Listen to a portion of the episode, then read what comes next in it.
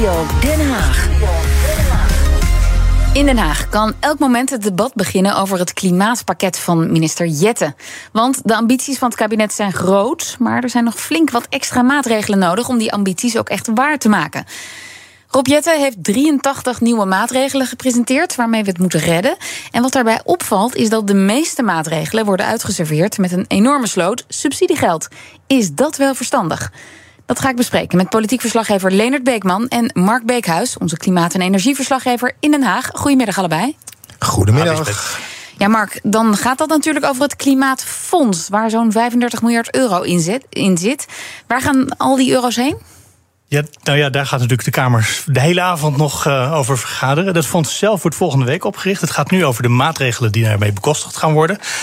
En dat gaat bijvoorbeeld over de subsidie voor uh, tweedehands elektrische auto's. Er wordt 600 miljoen voor uitgetrokken waarschijnlijk. Uh, de verduurzaming van uh, huizen in wijken waar echt heel veel energiearmoede is. Mm -hmm. 425 miljoen voor uitgetrokken. 100 miljoen voor zonnepanelen in de huursector.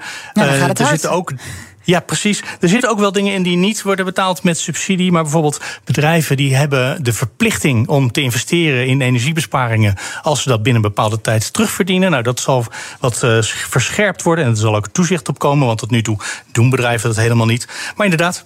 Het zijn hele vele miljoenen die in één keer zo uh, vandaag over tafel gaan hier. Ja, Leonard, ja, in dat debat, de, de, de groene en linkse partijen zullen wel enthousiast zijn over dat geld wat er allemaal beschikbaar komt. Ja, dat zou je wel denken, hè, Lisbeth. Dat er zo'n zo'n groot pakket van miljarden voor klimaat uitgetrokken wordt, dat de, de linkse partijen, dan hebben we het over Partij van de Arbeid, GroenLinks, daar kijk je dan toch als eerste naar dat zij juichend hier door gangen lopen in de Tweede Kamer. Maar dat is nog niet het geval hoor. Vandaag oh. gaan ze toch echt wel uh, met geslepen messen het debat in. Want ze zeggen namelijk, uh, de, klima de klimaatplannen moeten groener en socialer. En uh, ze vinden ook dat het pakket zoals het er nu ligt. Uh, de vragen ze zich bij af: gaat dat daadwerkelijk de doelen wel halen? Okay. Ik sprak vandaag met Joris Thijssen van de Partij van de Arbeid. Nou, daar zijn ook wel hele grote zorgen over. Het is natuurlijk een ontzettend groot fonds. 35 miljard euro wordt vrijgemaakt voor klimaatbeleid. Dat is op zich heel goed, want de urgentie om klimaatverandering te stoppen is echt heel erg groot. En de omslag die we moeten maken naar schone energie is ook heel erg groot. Maar of dat nou allemaal, zeker bij bedrijven, of dat nou allemaal met subsidie moet. Of dat we op een gegeven moment tegen die bedrijven ook gewoon moeten zeggen: joh, we gaan beprijzen. Dingen worden gewoon duurder en dan ga je het wel op een schone manier doen. Of we gaan gewoon normeren. Dit mag vanaf een bepaalde datum niet meer. En op die manier zorgen dat bedrijven gaan vergroenen. Ja, die balans, daar zijn zorgen over bij ons, maar ook bij de rekenmeesters van het PBL. Dus daar gaan we vanavond echt het debat over voeren met, uh, met de minister. Ja, dan sprak ik ook uh, coalitiepartij het CDA, Henry Bontebal. En hij denkt toch wel heel anders na. Vooral over het feit waar Joris Thijs het in het begin over had. Over hoe doelmatig zijn de maatregelen nu eigenlijk. Nou, toen ik net Kamerlid werd, toen hadden we in de Kamer ook veel debatten over het woord doelmatigheid. De minister Wiebes had het dan altijd over tonnenjacht. Dus voor, de, voor zo weinig mogelijk euro's zoveel mogelijk klimaatwinst. Nou, en toen hebben we ook in de Kamer gezegd: ja, maar dat kan niet het enige criterium zijn. Dus je wil soms ook uh, kijken naar de, de lange termijn. Welke maatregelen heb je op de langere termijn nodig, die misschien nu nog niet uh, uh, heel kosteneffectief zijn, maar die dat op de langere termijn bijvoorbeeld wel zijn. Bijvoorbeeld bepaalde technologie die je nodig hebt. Dus het verbaast mij eerlijk gezegd wel dat sommige partijen hier in de Kamer uh, de afgelopen jaren steeds hebben gezegd: we moeten wat minder sturen op die doelmatigheid. Ja, en nu ligt er een klimaatpakket en een klimaatfonds. En dezelfde partijen zeggen nu: ja, maar we moeten wel veel meer rekening houden met doelmatigheid. Ja, een klimaatfonds is juist ook bedoeld om investeringen te kunnen doen die, uh, ik zou niet zeggen niet doelmatig zijn, maar wel waarvan je niet helemaal precies weet ehm, ja, wat de effecten daarvan uh, zijn. Maar Leonard, je mag toch hopen dat minister Jette eerst nagedacht heeft over dat geld voordat hij het uh, labelde en, en, en al die uh, subsidies verstrekte? Ja, sterker nog, hij is met uh, verschillende ministeries gaan praten, met verschillende ministers. Er ligt namelijk een hele grote klimaatopgave. En dat uh, raakt niet alleen het ministerie van EZK, waar hij toe behoort, hè, economische zaken en klimaat. Maar bijvoorbeeld ook, uh, nou spreken ze vandaag weer over, de landbouw. Uh, zij moet ook een bijdrage leveren. En uh, infrastructuur en waterstaat, daar moet ook een, een deel van komen. Dus ja, Jette heeft zich wel degelijk vanuit verschillende ministeries laten informeren. Hoe zorgen wij er nou voor dat we die grote klimaatopgave die we hebben, dat we die zo hm. doelmatig en effectief mogelijk gaan realiseren. Ja, en, maar Mark, dat argument wat we net hoorden, hoe logisch is dat? Dat we dus niet te veel op het geld moeten letten? Ja, dat klinkt niet heel erg CDA. Hè? Laten we lekker kwistig geld uitgeven en investeren en kijken of het wel ergens op de goede plek terechtkomt. En toch, het is in ieder geval heel erg de lijn die Henry Bontebal in het afgelopen jaar hier altijd steeds gehouden heeft. We moeten misschien risico's nemen. Uh, als je bijvoorbeeld een, uh, als je van de industrie vraagt om over te gaan naar elektriciteit dan heb je op allerlei plekken in het land heb je elektrische kabels nodig, stroomkabels nodig.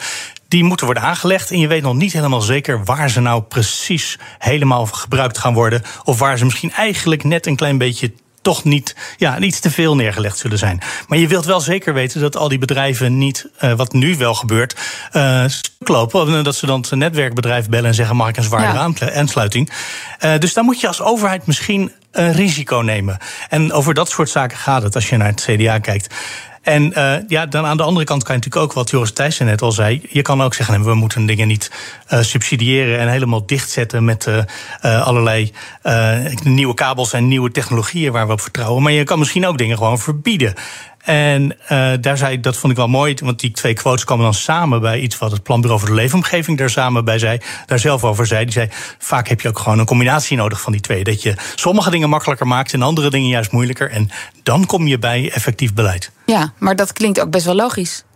Ja, maar nu ligt wel heel erg de nadruk op subsidie. Want alle vervelende maatregelen. Het eerste wat naar buiten kwam was natuurlijk. zullen we uh, de benzine wat duurder maken? Mm En nou, dat vonden de mensen niet leuk nee. om te horen in, de, in het land. En die maatregel staat ook uiteindelijk niet in de keuze van, uh, van Jetten.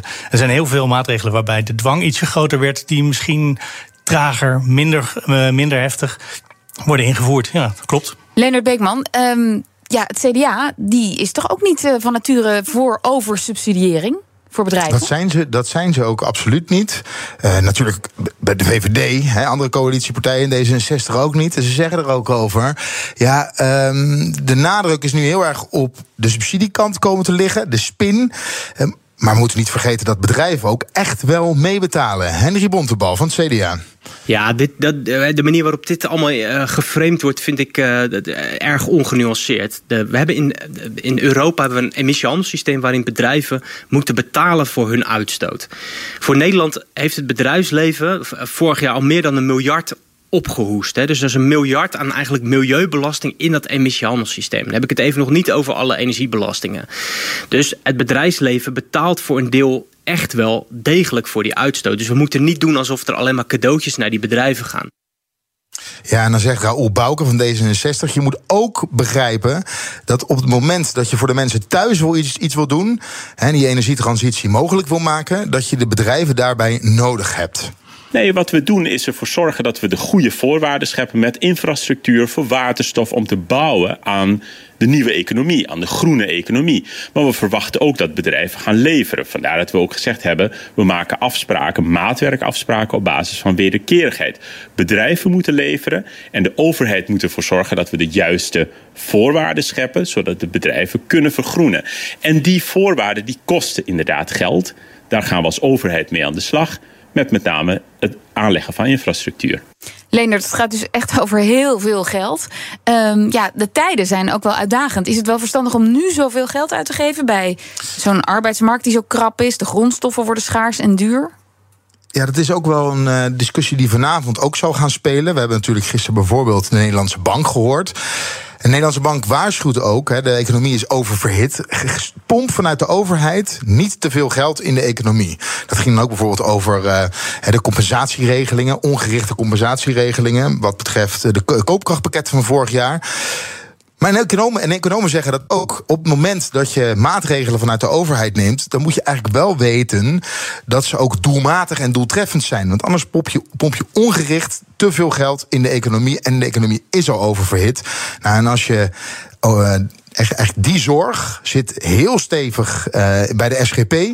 de partij let toch altijd wel heel erg op de overheidsuitgaven. En de financiële man bij de SGP is Chris Stoffer. Kijk, dat er een aantal zaken worden gedaan om uh, voor het klimaat een aantal verbeteringen neer te zetten, leek ons heel goed. Er bijvoorbeeld ook de kerncentrales in die we gaan bouwen, op een schone manier ook energie krijgen. Maar als je daar al die miljarden uitgegeven hebt, is maar de vraag van, en wat heb je dan bereikt? Nou, daar hebben wij echt grote zorgen over. De Nederlandse bank waarschuwt voor een economie die overhit is, is het dan verstandig om zoveel miljarden in diezelfde economie te pompen? Nou ja, dat is natuurlijk uh, helemaal niet verstandig. Uh, zeker als de Nederlandse bank een waarschuwing geeft, moet je er goed naar luisteren. Maar je weet ook, als je dat op dat moment doet, is dat je de hoofdprijs betaalt voor de dingen die je uh, van plan bent om te gaan doen. Hè? Want op het moment dat die economie overhit is, zijn de lonen hoger, zijn de spullen duurder. Dus al met al krijg je minder spullen, minder wat je wil hebben voor, voor veel meer geld. Dus het is op alle manieren denk ik gewoon een soort wensdenken. In plaats van dat je gewoon realistisch denkt van en wat wil je nu gewoon op termijn bereiken en hoe doe je dat gewoon zo slim mogelijk? Ja, en het zal toch wel, Lisbeth, een belangrijke discussie worden. Omdat namelijk die maatregelen uit dat klimaatpakket. Eh, als we zometeen, of als de Kamer zometeen de maatregelen heeft vastgesteld. dan gaan we dat geld ook echt uitgeven. En dat loopt op dit moment op vanuit het Klimaatfonds op 28,1 miljard. En over de komende jaren kan je ook niet meer, omdat het los staat van de begroting, de, de, begroting kan je niet heel, heel makkelijk meer aan knoppen draaien. En op het moment dat er geld tekort zal zijn bij de overheid, uh, aan welke knoppen kan je wel draaien? Ja, aan zorg bijvoorbeeld, aan, bij onderwijs. Uh, dus je komt daar al heel snel kom je daar uit. En er zijn natuurlijk een hoop partijen in de Tweede Kamer die überhaupt kritisch zijn op het Klimaatfonds. Los van de vraag of het financieel heel erg verstandig is om dat te doen. Denk aan Ja 21, uh, Forum voor Democratie, PVV. Maar ook de vraag vanavond van is dit nou verstandig financieel beleid? Zal wel prominent naar voren komen. Want ja, we zitten, toen dit bedacht werd, was geld nog gratis, zoals ze dat toen noemden. Mm. En je kon tegen 0% Lage geld rente, lenen. Ja. ja, dat is nu niet meer het geval. De rente is hoog dit moet in de toekomst ook terugbetaald gaan worden. Dus en of je dat doelmatig besteedt, ja, dat zou je toch echt wel van tevoren moeten weten. Uh, want uh, je kan het maar één keer uitgeven. Dankjewel, politiek verslaggever Leonard Beekman en energie- en klimaatverslaggever Mark Beekhuis. Ook Harm Edens vind je in de BNR-app. Je kunt BNR Duurzaam niet alleen live luisteren in de app, maar ook terugluisteren als podcast, zoals al onze podcasts. En naast dat de BNR-app Breaking News meldt, houden we je ook op de hoogte van het laatste zakelijke nieuws. Download nu de gratis BNR-app en blijf scherp.